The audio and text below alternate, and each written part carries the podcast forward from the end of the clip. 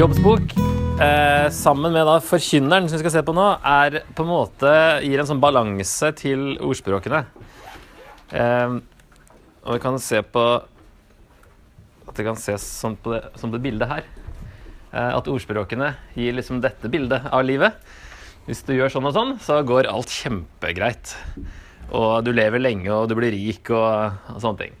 Og så får vi litt sånn mer reality check i, i jobbsbok og i Forkynneren. Um, derfor kan den virke som en mer sånn depressiv bok. Uh, bok. For noen syns at den er litt sånn uh, litt deprimerende. Han er så pessimistisk. Men uh, kanskje er han bare mer realistisk. En veldig interessant bok. som selv om den kan virke litt sånn negativ, så kan den være veldig oppmuntrende. Nå er jo ikke ordspråkene løfter om at ting går sånn her heller. Det er jo prinsipper som generelt stemmer. Ordspråk. ikke sant? Det er jo ikke løfter. Sånn at de, generelt så går det sånn med den som lever på den og den måten. Men så er det noen unntak, og du har liksom Jobbs bok og Forkynneren da, som tar de unntakene når ting ikke går sånn forventa. Så sånn sett så blir det en veldig oppmuntrende bok, fordi ting går jo aldri helt som forventa. Og så kommer forkynneren rett etter ordspråkene også i Bibelen. Så det er jo interessant å se på det som en sånn slags balanse. Sånn, ikke en korreksjon mot ordspråkene, men en korreksjon eh, eller en advarsel da, mot å lese for mye inn i ordspråkene. Og ta det som løfter. Og kanskje så kan man nå eh, Man kan jo dra det så langt at man kan begynne å manipulere Gud, eller tro man kan klare å manipulere Gud ut fra ordspråkene. Hvis Gud liksom må forholde seg til de tingene der. Eh, hvis man ser på det som løfter. Mens her får vi liksom sett på en annen eh, Han tar det fra en annen vinkel og uh, klar på at det nytter ikke å, å tro man kan styre ting på den måten. Egentlig så, så er liksom alt ja, tomhet eller meningsløst. Er vel det ordet som vanligvis er brukt. Så vi skal se litt på det, for det har mye å si, faktisk, hvilken bibeloversettelse vi bruker. Ordet forkynneren det er ikke noe typisk sånn forkynner eh, Når vi leser det her, så er det ikke noe sånn herre eh, Det er ikke første tanken eh, som kommer til oss at dette er en forkynner, en, at dette er forkynnelse. Det er nesten det motsatte av det vi vanligvis tenker på som forkynnelse. Men det kommer av at ordet på hebraisk, da, som blitt tittelen på denne boka her, eller han som, han som kalles forkynneren i boka, det betyr egentlig bare en som samler. Og så har man tenkt hva er det han samler? Og da er det nest, mest naturlig kanskje å tenke at han samler folk, og at han derfor står og forkynner. Det er det som er da ordet. Eh, men det står jo at han samla visdomsord, står det mot slutten. Eh, han kan ha samla observasjoner. Det er mange observasjoner han har, eh, som han forteller om her, som han har sett under solen. ikke sant? Så det er litt sånn kryptisk. Men det er det som har vært navnet på boka lenge, da. Tradisjonelt så er det jo Salomo som knyttes opp til denne boka her. Det var det i hvert fall fram til eh, Luther eller 1600-tallet. Sånn etter reformasjonen en gang så var det i hvert fall veldig vanlig, både jødisk og kristent syn, at det var Salomo. Eh, da er det ofte man tenker at da er det i så fall Salomo på slutten av sitt liv. For han endte jo ikke så bra når han begynte å lage alteret til disse avgudene som alle de konene hans tilba.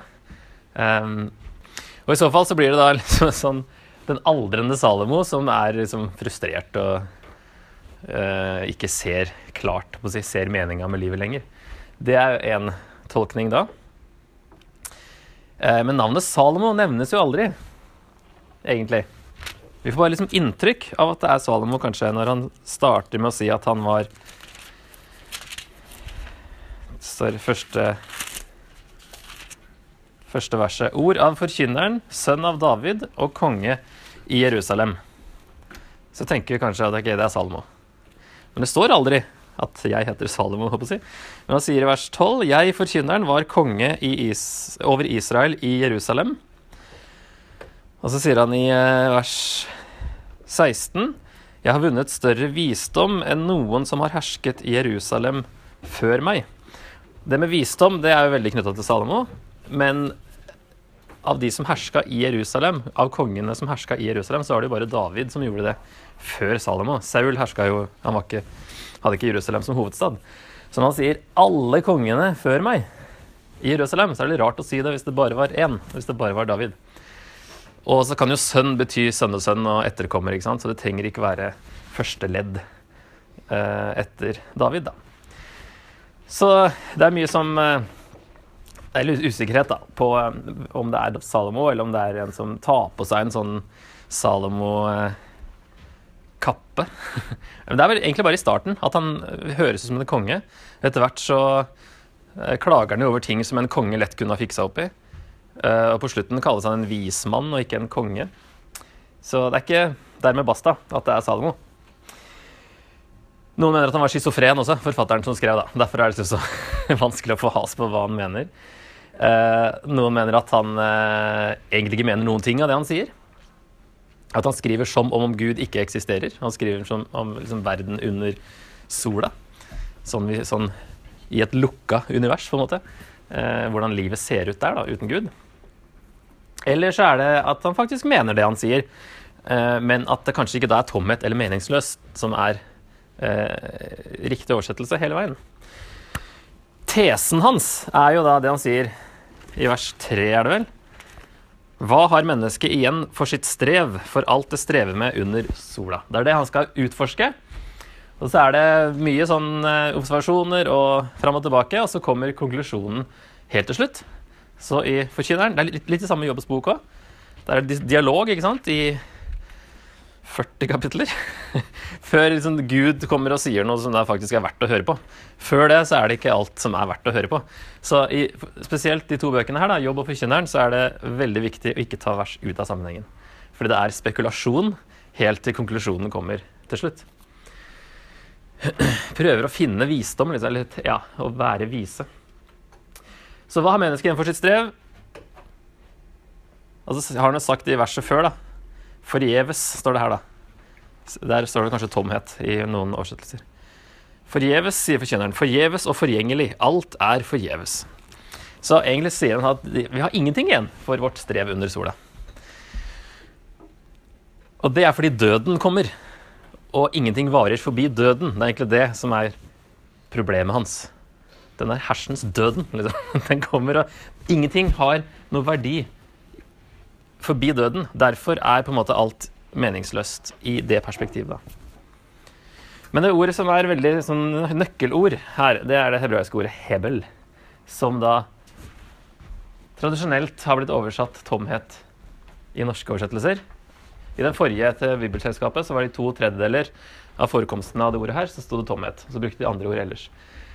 88-oversettelsen har bare tomhet. Bibelen Guds ord har bare tomhet. NIV har bare meaningless. Nå betyr jo det ordet egentlig Bokstavelig talt betyr det pust eller damp. Eh, det betyr ikke tomhet eller meningsløst. Frostrøyk kan vi tenke på som et sånt bilde på det ordet her. Da Da ser du liksom både pusten og dampen.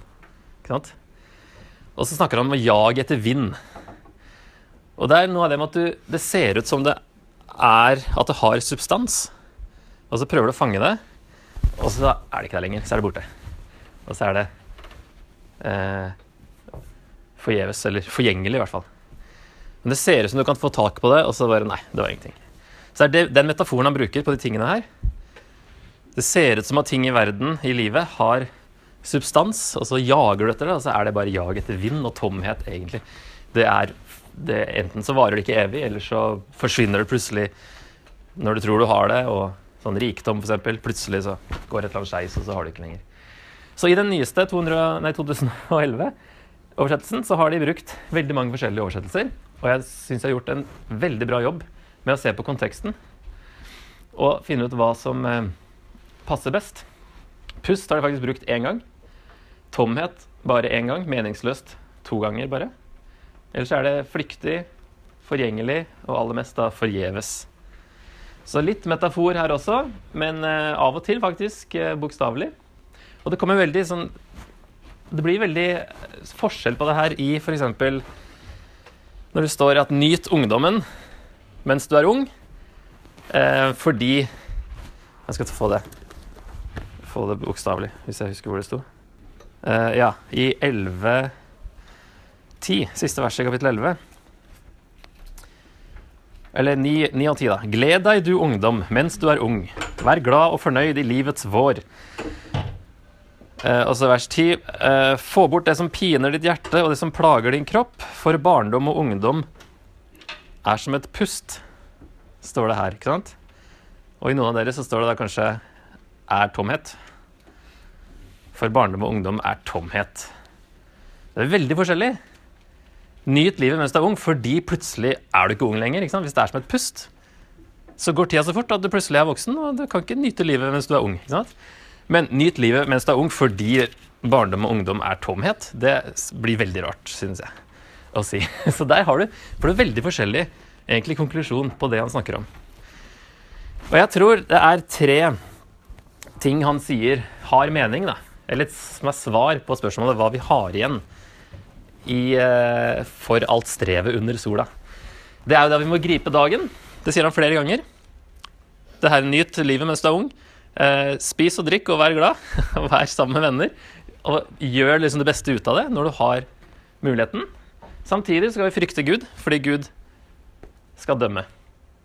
Så ikke la det her gå liksom over all eh, stokk og stein. Eh, husk på at eh, du må holde deg inne for visse rammer, da, og at Gud skal dømme til slutt. Det er liksom tre temaer som dukker opp hele veien. Som man kommer tilbake til. Da.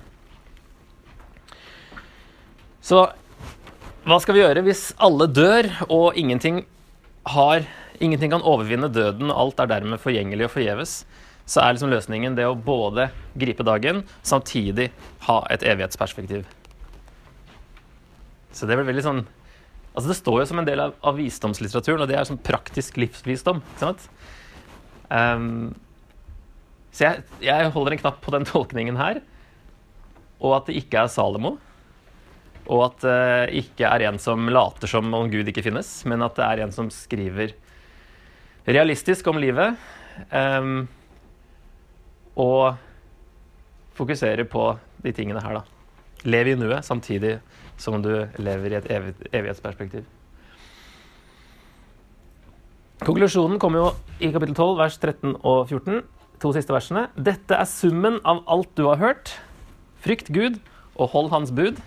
Dette gjelder for alle mennesker. For Gud skal dømme hver gjerning, holde dom over alt som er skjult, enten det er godt eller ondt. Så han, han havner jo på konklusjonen samme som vi finner i ordspråkene. Eksempel. Ordspråkene åpner jo med at frykte Gud er eh, utgangspunktet for å ha visdom i det hele tatt. Så han sier jo det samme her. Frykt Gud hold hans bud. Det er, det er konklusjonen. Og så er det ting underveis som eh, vi må glede oss over. Og da blir det noe helt annet enn at alt er tomhet og meningsløst, egentlig. Da er det faktisk mye positivt. Det er litt sånn vrien bok, siden det er så mange tolkninger og litt usikkerhet rundt forfatter og eh, hva han gjør, da. Men han har i hvert fall forklart oss ting rett ut, og at vi ikke blir overraska eller skuffa når det skjer uh, ulykker og andre ting. Sånn at vi ikke skal miste truen, troen, men være forberedt på at sånn skjer. Jesus i Forkynneren. Uh, dette med at Gud skal dømme, det peker jo da som vanlig frem at Jesus skal komme igjen og dømme. Det har jo ennå ikke skjedd. Men det som har skjedd, er at vi har noe nå som vi vet varer forbi døden. Og det er jo Jesus som gir evig liv. Det visste jo ikke han som skrev dette her. Um, det er det store problemet. Hva er det som varer forbi døden? De hadde ikke den samme utsikten da, til hva som skjer etter døden i Gammeltestamentet. Men det har vi fått mye åpenbaring om nå i Nytestamentet.